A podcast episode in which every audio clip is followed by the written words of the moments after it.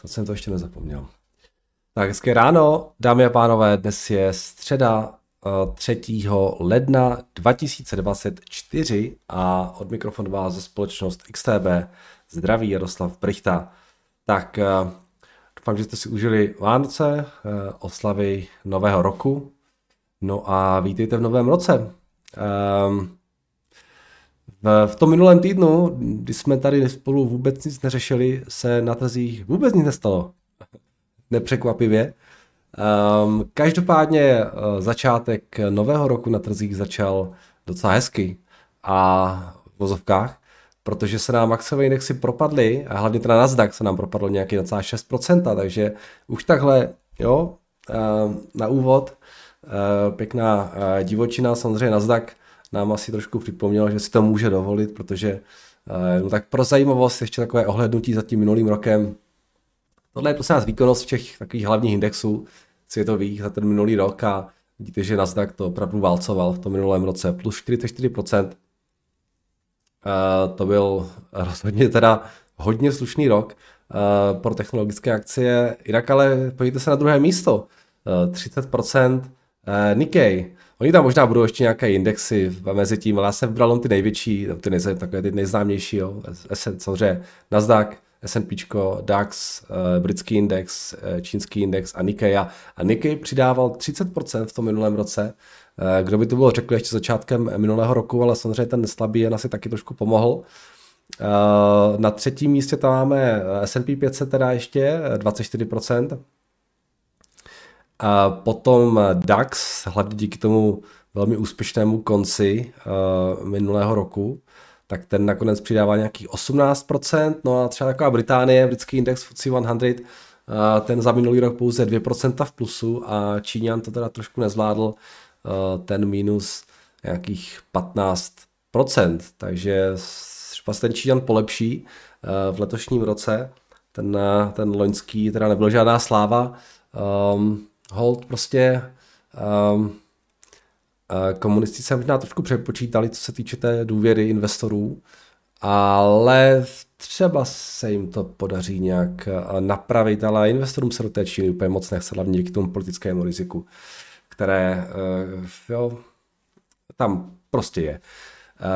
A investory si tak nějak asi uvědomili, že, že je větší, než si původně mysleli, takže takže uh, ten čínský index pořád docela dost zaostává. Takže tohle je minulý rok, uh, uvidíme samozřejmě, jak bude vypadat ten příští.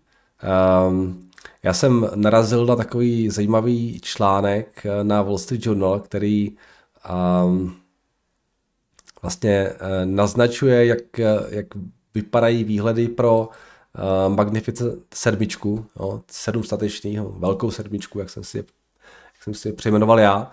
A samozřejmě byla to hlavně velká sedmička, která ten uh, růst akcí v Americe táhla, která táhla nahoru ten uh, Nasdaq a S&P 500. A takhle vypadají výhledy pro těch sedm největších akcí Alphabet, Amazon, Apple, Meta, Microsoft, Nvidia a Tesla do toho nadcházejícího roku. Víte, že všichni analytici očekávají, nebo ne všichni, ale u všech těch akcí s výjimkou Tesly se očekává, že by i v tomto roce měli růst. Největší růsty se letos očekávají na Nvidia, která by měla přidat 34% podle názoru analytiků.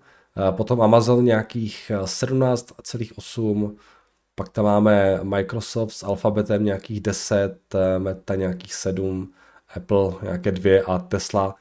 Tam ty výhledy jsou minus 3,5%, tak uvidíme, jak to nakonec dopadne, ale už jako pokud by měly tyhle ty velké akcie růst takhle, tak samozřejmě ten rok by asi nemusel být úplně špatný. Um, otázkou taky je, jestli, jo, pokud ten rok bude nějaký, řekněme, normální, ekonomika nebude v nějaký velký problém a tak dále, tak jestli začnou trošku, trošku taky více dohánět takové ty uvozovkách value stoky, které možná trošku zaostávaly, ale teďka, když všechno tak trošku jako zdrahlo, hlavně v tom, jo, v tom poslední, v tom poslední čtvrtletí minulého roku, uh, tak jestli začnou, jo, hlavně technologické akcie samozřejmě vyrosty, uh, tak jestli začnou dohánět ty, ty další akcie, uh, Uvidíme, to je samozřejmě všechno velká otázka. Taky uvidíme, jakým způsobem se ta ekonomická situace bude vyvíjet, jak budou dál klesat sazby, jak bude dál klesat inflace, to jsou všechno velká témata, která budou ovlivňovat ten další vývoj na finančních trzích, takže se nechme překvapit. Um, ale výhled zdá se být relativně optimistický. Co se týče, takže tohle byl určitě ty nejpopulárnější akcie, ty, uh, ta, ta velká sedmička. Co se týče těch nejvíce ztrátových, tak jsem se tak jako mrknul na, na S&P 500 a uh, je to těchto těch pět, představte si, uh, v S&P ztrácel nejvíce. V tom minulém roce hlavně teda FMCG, teda ne, FMC, pardon, FMC Corporation, což je taková chemička, hlavně v oblasti zemědělství, uh, dělají nějaké pesticidy, herbicidy a další cidy. Uh, oni měli nějaký ob- problém s odbytem, hlavně v Latinské Americe, kde bylo sucho, takže tam proběhlo nějaké vyskladňování, asi řekněme cyklická záležitost, takže ty se propadaly v tom minulém roce, uh, já už tady máme i teda s tím včerejškem, ale kdybych to neměl, tak v tom minulém roce se propadaly o uh, nějakých 49%, potom na druhém místě Enphase Energy, všichni známe, 48% minus, potom Dollar General, uh, to je ten dolarový obchod, retail, minus 46%, no a pak Moderna minus 46% a Pfizer minus 44%, takže tohle je pět nejhorších akcí v S&P 500. Samozřejmě asi by tam byly i uh, další akcie, uh, které ale byly z toho S&P 500 vyřazeny v průběhu toho minulého roku, takže tohle jsou těch, těch pět nejhorších, které tam zůstalo. A jak vidíte, tak třeba taková moderna uh, si hodně polepšila zrovna začátkem tohoto roku, kdy rostla, myslím, že tuším nějaký 10% nebo něco takového, uh, tak i Pfizer se trošku zvedl, takže, takže jo, Moderna už spěchá nahoru. Ale ty ztráty tam přece byly docela vysoké. Uh, takže to ještě takové ohlednutí za za tím minulým rokem uh, mezi na ty vítěze a poražené teda. Když se podíváme včera na ten vývoj, tak uh, na S&P 500 uh, tohle máme teda uh, ty jednotlivé sektory. Jo, takhle to chci. Tohle máme ty jednotlivé sektory. Eh, včera nejvíce rostl healthcare, utilities, energie a consumer staples, které přidávali přes procento. Naopak nejvíce ztrácely informační technologie, které ztrácely přes 2,5%. A když se půjdeme ještě na ty jednotlivé akcie, tak eh, ta velká sedmička to tentokrát tahla dolů. Apple včera minus 3,58%.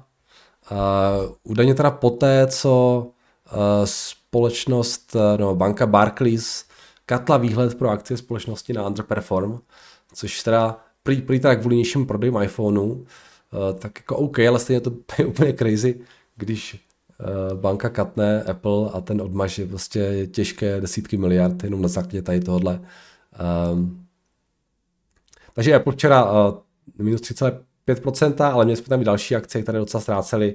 Microsoft minus 1,3, Nvidia minus 2,7, eh, Amazon minus 1,3, eh, Meta minus 2%.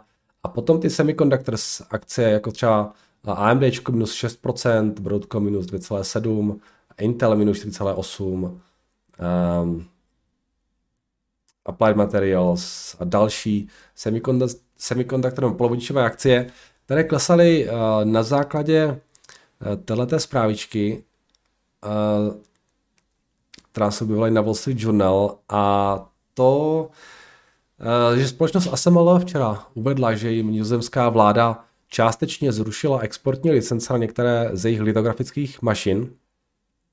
Samozřejmě se jedná o exporty do Číny a jedná se o ty stroje, které ještě loni vyvážet mohly. A taky teda, eh, že vyváželi, protože eh, už jsme se o tom tady bavili dříve, možná si vzpomenete jejich čísla za Q3 a podíl prodejů Eh, do Číny tam dosahoval skoro 50% dramatický nárůst jo, za ty posledních pár kvartálů, eh, kdy teda ASML začala ve velkém vyvážet do Číny, pravděpodobně ji přehodili některé lidi, zákazníky, kteří třeba na to nespěchali, vyměnili za Čínu, protože asi tušili, že ten zákaz přijde.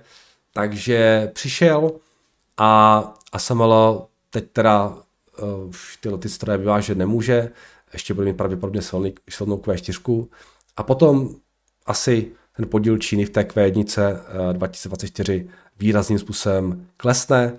No ale jim to zase až tak moc vadit nemusí, protože přece už toho prodali dost do Číny a oni mají samozřejmě stále velký backlog, takže tam prostě to nahradí jinými zákazníky. Každopádně ta zpráva včera dostala akcie pod tlak a se ty se propadly nějakých 5,2% a stáhlo to celý ten polovodičový sektor, takže to je asi taky důvod, proč jo, všechny tady ty Intely a, a tak dále klesaly taky. Um, když jsem na případě Intelu, nevím proč, ale spíš by to měly být ti výrobci těch, těch, těch mašin, jo. Lam Research, tak dále, třeba KLAC, bych taky pochopil. A, ale to je to trh prostě občas reaguje, jak, jak, jak reaguje, takže i ty um, výrobci těch čipů byli včera pod tlakem, nebo ty firmy, které navrhují. Tak, um, takže tohle bylo, byly ty ztráty, pak jsme měli nějaké pěkné zisky, hlavně v té oblasti teda healthcare, vidíte United Healthcare, Merck tam byly, uh, pěkně rostly, jo, tu modernu jsme zmiňovali, Pfizer plus 3,2% a tak dále, takže uh, tady to bylo docela v pořádku. No, um, jinak nějaké úplně důležité fundamenty tam uh, včera nebyly, ten, ten um, kalendář, uh, když se podíváme makroekonomický, tak uh, včera byl docela slabý, ale už teďka se to postupně rozjíždět. Dneska tam máme ISM uh, pro výrobní sektor, máme tam JOLT report, máme tam uh, meetings, teda minutes z, z, toho minulého zasedání Americké centrální banky.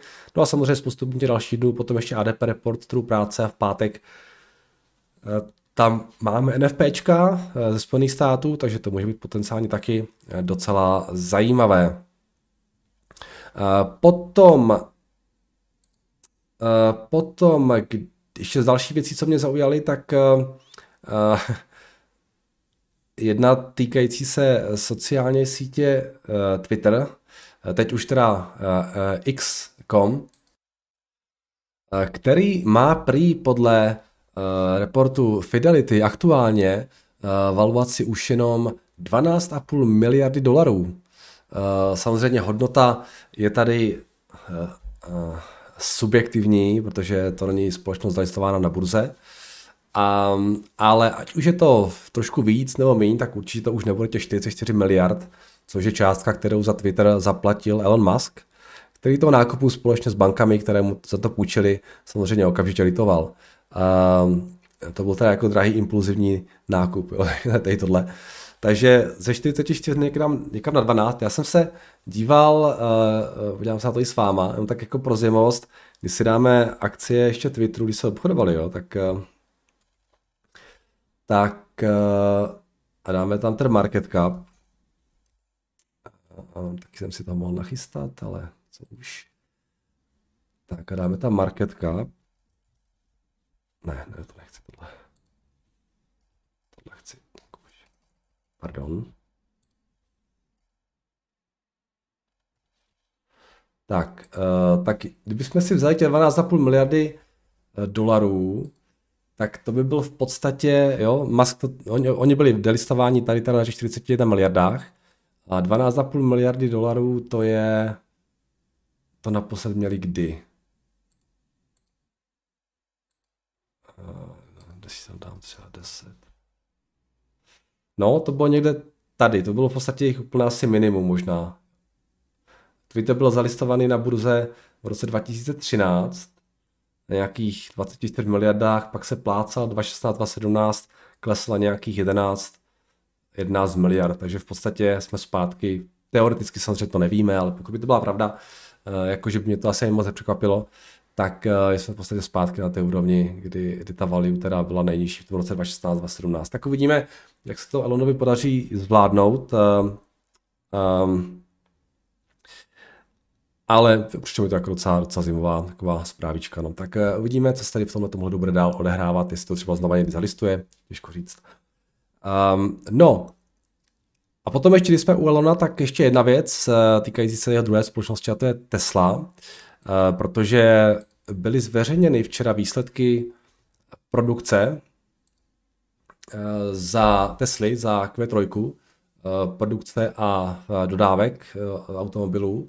No a ta čísla uh, byla následující tohle ten vývoj vlastně v těch, těch v posledních čtvrtletích, v případě Tesly uh, to bylo nějak lehce pod 500 tisíc i výček za ten kvartál poslední s tím, že naprostá většina je ten model 3 a model Y.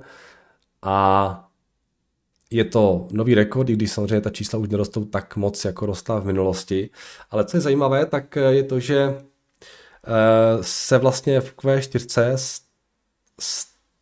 pár dnů ještě předtím, no v pondělí, reportovali výsledky také, také BYD a ti už byli na nějakých 526 tisících nebo něco takového. Takže z BYD se v podstatě stala eh, největší, nebo největší producent EVček na světě. Jo, poprvé teda předběhli eh, Teslu. Já tady mám někde ten graf eh, vývoje těch, co to je tohle, to jsou ty prodeje Tesly a BYD a vidíte, že jo, je tady předběhli vlastně v tomhle posledním čtvrtletí. Takže BYD aktuálně největší producent EVček na světě a pravděpodobně ten prudký růst u nich bude pokračovat. Samozřejmě mají velkou to, že mají ten čínský trh, takže a tam jsou teda velmi silní. Takže uh, gratulace, gratulace do Číny. Uh, Tesla možná trošku s těma delivery jsem s tou produkcí zaostává kvůli tomu uh, Cybertrucku, Musk o tom mluvil už dříve, a, a tak to nic zleva. Jinak akcie, ale Tesly na to zase tak odreagovali, protože ty výsledky produkce byly tak nějak podle očekávání. 484 tisíc to bylo. To bylo, to bylo číslo, které u, u Tesly teda. Tak, to jsem také ještě chtěl zmínit. No a jinak e, toho více nemám k tomu včerejšku. Samozřejmě teda uvidíme, co nás čeká v těch nadcházejících dnech. E, když se podíváme ještě e, na FX, tak situace vypadá následovně. Tohle je teda eurodolar. I v tom minulém týdnu jsme byli svědky, že nám dolar trošku posiloval. Rostl nám také začát, nebo koncem koncem toho roku nám trošku posilovat. Včera taky to se spevňoval, potom jak, jak se klesaly, takže aktuálně nějakých 1,950. Uh, no, když se ty další měnové páry, tak tady dolar taky silnější, hlavně díky tomu včerejšku, ale tady, tady pomohla americké měně, takže tady nějaký 26 uh, na páru s jenem, tam je ta situace relativně stabilní, uh, pod tlakem na páru s americkým dolarem, Australan taky ztrácel, Novzelanda také, takže uh, ten začátek roku dolar docela pomáhá, uh, kačka nějaký 24 50 na páru s dolarem a na, na euru nějaký 24 pardon, 22,40 a, a na páru s korunou nějaký 24,60. Zlato tady něco pod sluncem 2060, 2060, stříbro nějaký 23, uh, 60 uh, ropa uh, nám zase klesá na 70 dolarů za barel a tohle jsou teda ty indexy. Bitcoin začátkem roku trošku zvednul 45 100, a Ethereum nějakých 2370 dolarů za kus, takže eh, krypto nám taky trošku roste. Um, takže zatím všechno asi tak nějak v pořádku, až na ten Nasdaq, který se tak nějak jako vylekal toho začátku nového roku. Tak, uh, pohled ještě na futures. Jak to vypadá dneska ráno? Aktuálně docela klídek, nějaká desetinka minus v Americe, v podstatě podobná situace také v Evropě, takže nic, nic úplně strašného. Asi ta, uh, ta korekce z toho, z toho včerejška se nějak zatím teda těch futures uh, nepromítá. Tak, od mě je to všechno a pojďme se teda podívat na vaše dotazy, které jste mi tady nechali už dávno, dávno, uh, ještě před Vánocema. Tak, uh, přejete mi tady všechno nejlepší do nového roku, takže děkuju za přání samozřejmě. Tak, eh, ahoj Jado, mohl bys dát nějakou predikci, jaký bude rok 2024 a na konci roku bychom to, si to mohli vyhodnotit. Eh, Vladi si, fakt ne, jo. Já absolutně netuším, nechám se překvapit. Jo. Já vím, že mám pravděpodobnost tak, jako šanci na úspěch tak 50%, takže to úplně jako postrádá smysl. A je to, mě je to skoro jedno. Jo. Ať to je dobrý, ať je to špatný. Um, eh, on ty příležitosti vždycky nějaké budou, vždycky si něco zajímavého hodit bude, takže uh, ten fokus je pořád jenom na nějaké dobré firmy a čekat, jestli třeba nabídnou, ten trh nabídne nějakou příležitost nebo ne. Tak. tak ahoj, na začátek nového roku jsem chtěl poprosit, aby si mohl s námi se podělit, jestli si dělal ve svém portfoliu poslední době nějaké nákupy, po případě prodeje. Uh, samozřejmě nejedná se doporučení. A nedělal. Už, už fakt jako delší dobu tam nic nebylo. Jo. A jo, teď je, začalo všechno růst, tak eh, prostě jenom čekám. A teď jsem se hodně díval na, na ten Philip Morris International, jak tady pořád probíráme ty, uh, ty tabákové akcie a hlavně ten BAC. Um, tak no ne, Filip, dělal jsi se na všechny, na, ten, na celý ten tabákový průmysl přes Vánoce. Um, jsem se to trošku víc ponořil, tak to mě zaujalo. A právě za, mě, mě zavolal hlavně Filip Morris, ale ten je bohužel nejdražší z těch tří, z tří velkých, takže, nebo, nebo ne, čtyř. Um, takže tak jinak jenom um, čekám a uvidím, co, uh, co bude, ale to je ten Filip Morris se mi líbí, no, hodně, ale říkám, kdyby to bylo trošku levnější, tak by to bylo asi lepší. A tak možná jsem tak jako přemýšlel, ale, ale um, bohužel ta valuace tam úplně není, no. Ale nic, nic, nic nového tam nemám v portfoliu, ani jsem nic zaprodával. Tak. Uh...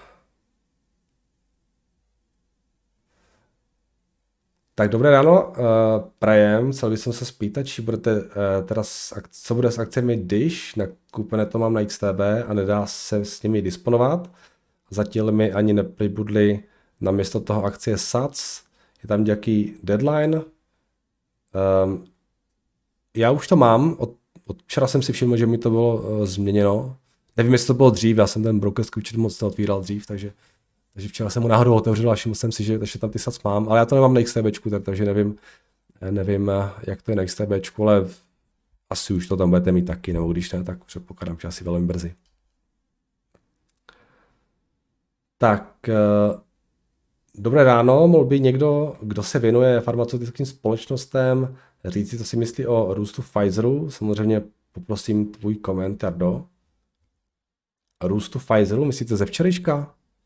Um, nevím, proč ty farmaceutické firmy tak rostly upřímně.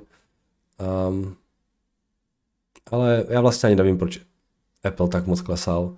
Jo, je to ten argument toho Barclays, já nevím, no, OK, budíš. Ale nevím, třeba tam byl taky nějaký update, uh, nějaké zlepšení výhledu nebo něco takového, ale nějaké jednodenní pohyby nejsou zase tak zajímavé. Pokud to není fakt nějak jako fundamentálně podložené. Tak, zdravím jen zamýšlení. Eh, co říkáš na přirovnání eh, Louis Vuitton a Berkshire? Eh, to, kolik pod sebou mají již firem, je neskutečné a posouvat takovýhle konglomerát už asi nebude nejjednodušší. Každopádně spíše než Berkshire bych to přirovnal ke sektorovému ETF, luxusnímu. A jo, proč ne? Je to jako fantastický biznis a vedený skvělým člověkem a um, možná jediné, co mě napadá, tak samozřejmě nevím, jak to má s nějakým jako odchodem, vím, že tam je nějak angažován ten jeho syn. A, a řekl bych, že Berkshire bude mít asi lépe, nebo typnul bych si, jo, já řekl, Peter Louis Vuitton jako, jako neznám, nevidím do toho, ale možná bych se trošku méně obával o nějakou kontinuitu v případě Berkshire než u Louis Vuitton, ale říkám, můžu se tady úplně v pohodě plést, jo, takže, takže um, řekl bych, že má větší míru jistoty u té kontinuity jo, v případě Berkshire. A, a že je to nějaké ETF na luxusní, uh, jo, tak to, to určitě ano. Jo, samozřejmě těch brandů je tam strašně moc a ta jejich síla, navíc když jsou všechny spolu, tak je, je určitě velká. Tak, uh, ahoj Jardo, co si myslíš o invest... Ne, tady ještě vlastně, jo, to ještě k tomu IB, IB01, jak jsme teď řešili, možná si na to nespomenete už, ale uh, když si vzpomenete, jak jsme řešili ty maturities u toho IB01, tak tady Marek eh, Němky uh, to napsal moc pěkně. A je to vlastně o tom, že um, oni měli ten fixed income udávali jen 36% a treasuries měli jako um, uh, podstatě jako, jako hotovost. Jo. Takže proto tam byl ten rozdíl tak velký. Jo. Jo. Treasure bills, které charakterizují jako cash v sekci. Jo. Takže v podstatě Uh, oni mají ty bills, ale říkají tomu cash, což dává smysl, protože pokud je to platnost do roku, uh, tak je to vlastně cash-like instrument úplný, takže, takže díky Marku za ten update, mě to, mě to nedošlo vůbec v tu chvíli. Tak to ještě k tomu teda uh, minulému, minulému videu. A potom ještě poslední věc. Ahoj Jardo, co si myslíš o investici do argentinského akciového trhu, například nákupu ETF Argentina, ARGT. Uh, vyhrál tam ten vyhrál tam prezidentské volby anarchokapitalista uh, Javier Milei a chystá se tam obrovsk, chystají se tam obrovské změny. Například chtějí dolarizovat ekonomiku, ruší ministerstva a výrazně se mají rušit regulace. Myslíš, že by to mohlo být pozitivní vliv na růst akcí? Už nyní je vidět růst od doby jeho zvolení. No, já si myslím, že by to rozhodně pomoct mohlo, protože uh, já ho tak jako po očku sleduju. Um, mě už, jo, jsme se tady bavili dříve, ještě předtím, než to vyhrál. A myslím si, že Argentina samozřejmě zaprvé byla v úplně jako tragické situaci, takže jí by pomohla každá, řekl bych, jen jako lehká ekonomická změna a hlavně změna kurzu toho, který ta, ta země se jako, jako plula už jako dlouhé roky a to se rozhodně stalo. A Milej je hodně radikální, ale jako ve spoustě oblastech i docela jako ve dobrém směru, podle mého názoru, takže tam by to samozřejmě mohlo pomoct ještě více. Eh, samozřejmě eh, to argentinské ETF už jako v reakci už na ten výsledek těch, těch, těch voleb docela vyrostlo. Ukažte, co to dělá teď. Um, já osobně uh, nespekuluji na tyhle ty velké nějaké jako makrotrendy nebo něco takového. Um, já jdu spíše po těch jednotlivých jako firmách, ale samozřejmě, že to napadlo, jo, ještě předtím, než to vyhrál, nebo, nebo jo, tak eh, že kdyby to vyhrál, tak by to teoreticky mohlo dost pomoci. A zatím to pomáhá, já si myslím, že to pomáhat může i nadále, uvidíme. A držím palce, rozhodně. A proč ne? Prostě tak pokud eh, tu ekonomiku eh, stabilizuje, pokud stabilizuje inflaci, tak té ekonomice to musí nutně pomoct a uh, pomůže to velmi pravděpodobně firmám. Jo?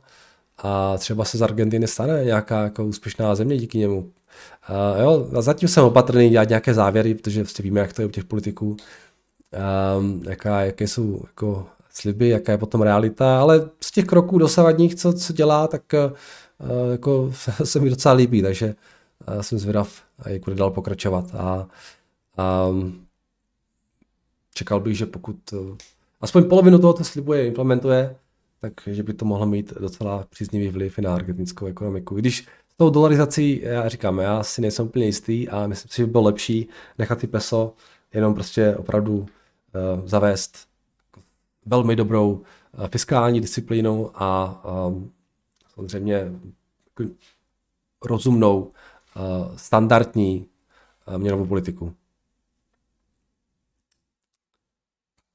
A to by, bylo, to, by, to by stačilo. Ale uvidíme, uvidíme, co s tím dolarem bude chtít dělat.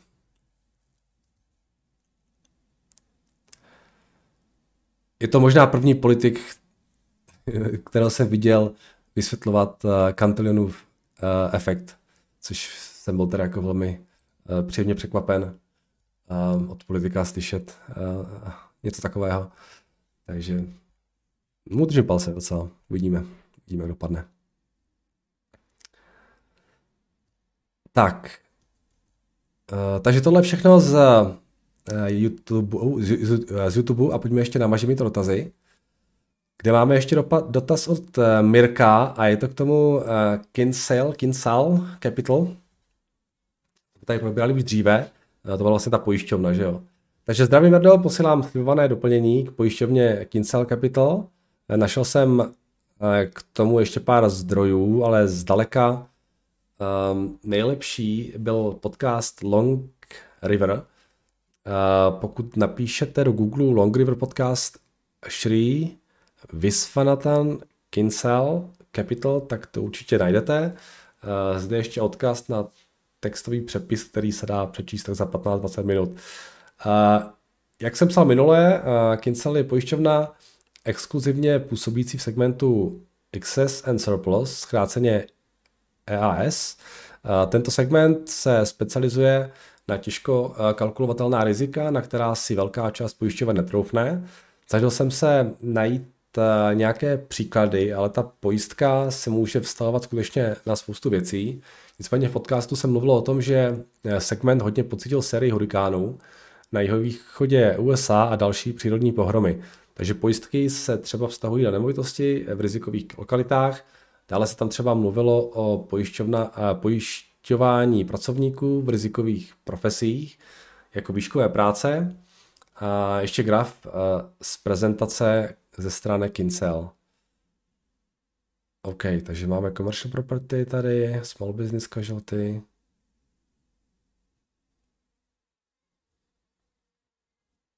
Jako třeba ty, ty eh, hurikány a tak dále, to pojišťuje, to pojišťuje spousta pojišťoven. Jo? Um, personal liability, life sciences, general casualty. Já myslím, že tohle dělá spousta jako pojišťoven, jo? Nebo tyhle ty segmenty minimálně. Uh, ale OK. Co je pro investora důležité, zatímco trh s pojištěním v USA roste cirka 40% ročně, uh, tak EAS trh roste disproporčně okolo 10% ročně. Dále je v tomto sektoru méně hráčů a ne každý vám je ochotný pojistit některý typ poptávek, což vede k tomu, že EAS pojistky jsou méně komoditizovaný produkt než standardní pojištění. Dále uh, nepodléhají regulaci, kdežto standardní trh s pojištěním USA je regulován. Uh, musí tady za pojištění účtovat, kolik chtějí a je na zákazníkovi, jestli na to přistoupí. A jaké jsou konkurenční výhody Kincel v rámci tohoto segmentu? Shri v podcastu vnímá jako hlavní bod tyto. Za prvé exkluziv, exkluzivní zaměření na EAS trh. E, spousta dalších hráčů jsou standardní pojišťovny a EAS pojištění dělají jako takovou nadstavbu. Kincel se soustředí pouze na svůj niž a to jim dává velkou výhodu. A Mirku, já nevím, jestli tohle by mi stačilo, jako upřímně, jo. Uh, možná je to pravda, že spousta, spousta uh, nebo většina těch pojišťoven se soustředí jako na ty jako general, ale tak je jako podle mého názoru řada, která se soustředí taky, jo, na tady tohle. Prostě uh, jako nejsou jediný, jo, tohle, ta konkurence tam je pořád, jo. Ale OK, jo. Tohle je co? Leading Public INS uh, Players. Jo? 2020 surplus lines uh, percentage of direct and assured written premiums. Takže tady máme nějaké srovnání teda. Uh, potom uh, za, za druhé malá nová společnost s důrazem na technologie. Kincel vzniklo v roce 2010 a jedná se o menší společnost. Lépe se to manažuje, mají vlastní moderní firmní software, když to některá konkurence jsou obrovské firmy, které se, kde se nealokuje kapitál efektivně a taky jsou na zastaralém legacy softwaru. Shri zmiňuje, jak se bavili s CEO Kincel Keyhonem o tom, že prý narazil na pojišťovnu, co ještě jela na softwaru z 90. let a za třetí nižší combine ratio než konkurence. Moc se omlouvám, minulé mailu jsem se dopustil dezinformace, psal jsem, že si počítají riziko sami, což není pravda. Pojišťovnám v INS sektoru toto dělají tzv. wholesale brokers. Podle Shriho zde Kincel platí maximálně 15% z celého prémia pojistky brokerovi, to průměr v, I, v INS sektoru je někde mezi 17,5 až 18 procenty. Zároveň Kincel mají v prezentaci toto. Broad appetite to underwrite a diverse set of risk across ENS market, including some difficult risks where we believe pricing may be attractive.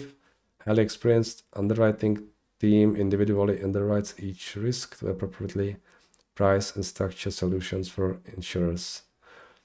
Okay. Přál bych, přál bych si do toho procesu vidět více, zjistit, proč platí méně, jestli odvádí nějakou část práce a proto třeba platí méně a obecně zjistit více o tomto procesu, protože to asi může být pro investiční tezi docela klíčové. Bohužel jsem nebyl schopen najít více, zde ještě combined ratio v porovnání s konkurenty.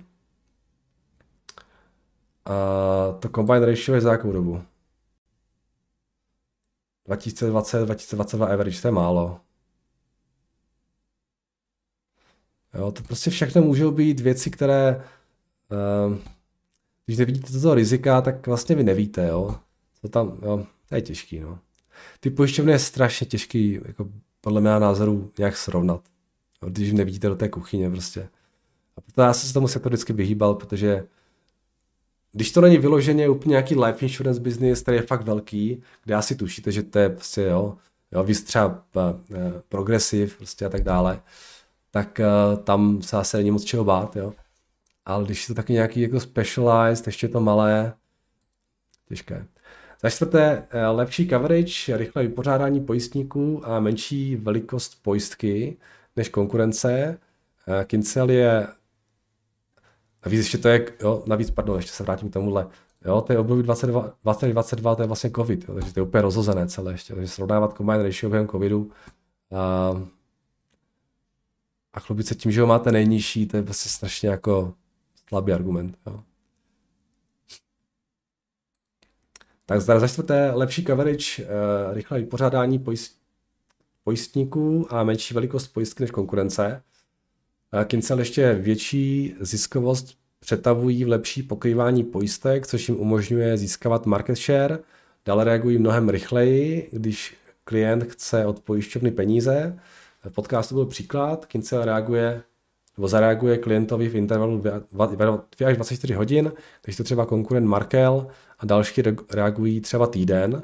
Když vám hurikán odfoukne bungalov do moře nebo si zlomíte na stavbě nohu a potřebujete živit rodinu, tohle může být docela klíčové. No ale zase, jo, bavíme se o různých druzích rizika, jo. Pochybuji, že u, nebo nevím, co znamená ta reakce, ale jedna věc je jako dům a druhá věc je, jo, nějaký prostě malý, jo, to je zase. Třeba dělají méně těch menších rizik a potom je rychlejší reakce, vlastně, to, je, to, to nedokážete. To, to jsou takové věci, které si můžete snadno jako, jo, vybrat nějaké věci, které vám zrovna vycházejí dobře. Jo. Za třetí, průměrná výše prémia, eh, kterou Gince platí, eh, je 15 000 dolarů, když to průměrná výše u konkurence je 10krát vyšší. No, tak to, je, to jsou ty malá rizika, že jo.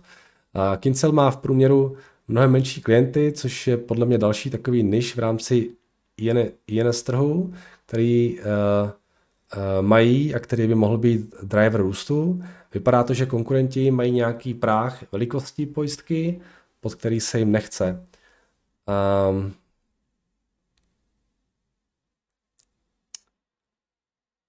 tak, eh, ještě pár věcí na závěr. V mnoha odvětví pojišťovnictví v USA mám, máme něco, co se nazývá hard market. Uh, to je období, kdy se platí vyšší ceny pojistného oproti soft marketu, kdy se platí nižší. Toto bylo způsobeno hodně třeba přírodními katastrofami, jako hurikány, nebo lesními požáry, ale i covidem, inflací a tak dále, kdy série katastrof donutí pojišťovny vyzvednout ceny zároveň, teda, teda zvednout ceny, zároveň to nějaké, nezvlá, nějaké nezvládnou a zavřou krám, což snižuje konkurenční tlaky. Třeba ceny pojištění nemovitostí na Floridě eh, byly předmětem mnoha společenských diskuzí. Eh, to tím si ale říci je, že hard market jako nebo hard market je pro Kincel dobrý a pojišťovny v hard marketech více vydělávají. Hard market eh, ceny eh, tu ještě několik let zůstanou, v long term se ale ještě jednou dočkáme soft, soft marketu, což eh, sníží Kincel zisk. Bude to za 5 nebo 15 let, nikdo neví. Mispricují Kincel riziko a budou jednou potrestáni? Věřím, že ne. Podle mě je jejich růst podepřený eh, výše zmiňovanými věcmi a naopak mají velmi dobré loss ratio. Eh, snažil jsem se najít, eh, co byl jejich nejhorší rok. Prý jsou hodně exponovaní na Kalifornii, ale zuřili nejvíce, kde zuřili nejvíce požáry v roce 2018. Ten rok měli nižší marže, ale pořád bezpečně v plusu. Ještě nevím, jestli nakoupím, vidím to na nějakou menší pozici. Pár otázek je třeba ještě zodpovědět. Na druhou stranu mi může utéct eh, ta podle mě atraktivní cena. Uvidím, by the way, jak jsem tehdy psal, že jste je přejmenoval na Kincel, eh, tak to byla narážka na výslovnost. Vy jste tam měl v timestampu skutečně jako Kincel. Eh, já bych si vás nedovolil nějak peskovat. v pohodě. Kinsale, Kinsale, to, to máte jedno. tak udělejte si vlastně research, poslechněte si podcast, pokud to někoho zajímá, jasně. Mirku, díky moc, vy máte vždycky super příspěvky, Uh, takže jako uh, děkujeme. A je to zajímavé jako zamýšlení. Jo. Pochopil jsem teda pojišťovna, která dělá menší riziko. Jo. Tak uh, já říkám, já do toho segmentu tak moc nevidím. Jo. Uh, to, že dělají menší rizika, je v podstatě možná trošku výhoda toho, že uh, jo, to, že asi nebudou dělat nějaký prostě price a že tam nebudou mít asi nějaké velké boty. Jo. Když máte nějakou pojišťovnu, která má nějaké jako obří rizika, tak tam, tam může nastat nějaký problém. A zase na druhou stranu říkám si, jak úplně nemám s tím tím segmentem zkušenost, jo, tak když máte, tady píšete, že dělají věci, eh, jo, do kterých se těm ostatním pojišťovnám nechce, 15 000 dolarů a tak dále, tak eh, říkám si, jaký třeba dopad tady může mít ta ekonomická situace, protože u těch menších věcí se často může třeba stávat, jo, že ti e, pojišťovatelé si začnou trošku vymýšlet, nebo prostě jo, e, tu škodu tak nějak jako si třeba můžou spáchat, abyste pojišťovny dostali nějaké peníze. A, a jo, nevím, jak moc tohle to ovlivňuje tu situaci. A třeba když byl covid, tak lidi měli spoustu peněz, tak třeba jako se to tak nedělo, jako by se teďka mohlo dít, když třeba ten, jo, už je ta krize možná trošku horší, nevím, těžko říct, jo, ale je hrozně jako slabé, říkám, srovnávat takhle krátký horizont a, a říkat, že mají dobrý combine ratio, třeba ale to mají historicky a myslím, že jim to tam měli, jo, když se dáme Kinsel. Uh, když se podívám na to jejich combine ratio, schválně, myslím, že by ho tady měl mít uvedené. A dáme tady roky jednotlivé.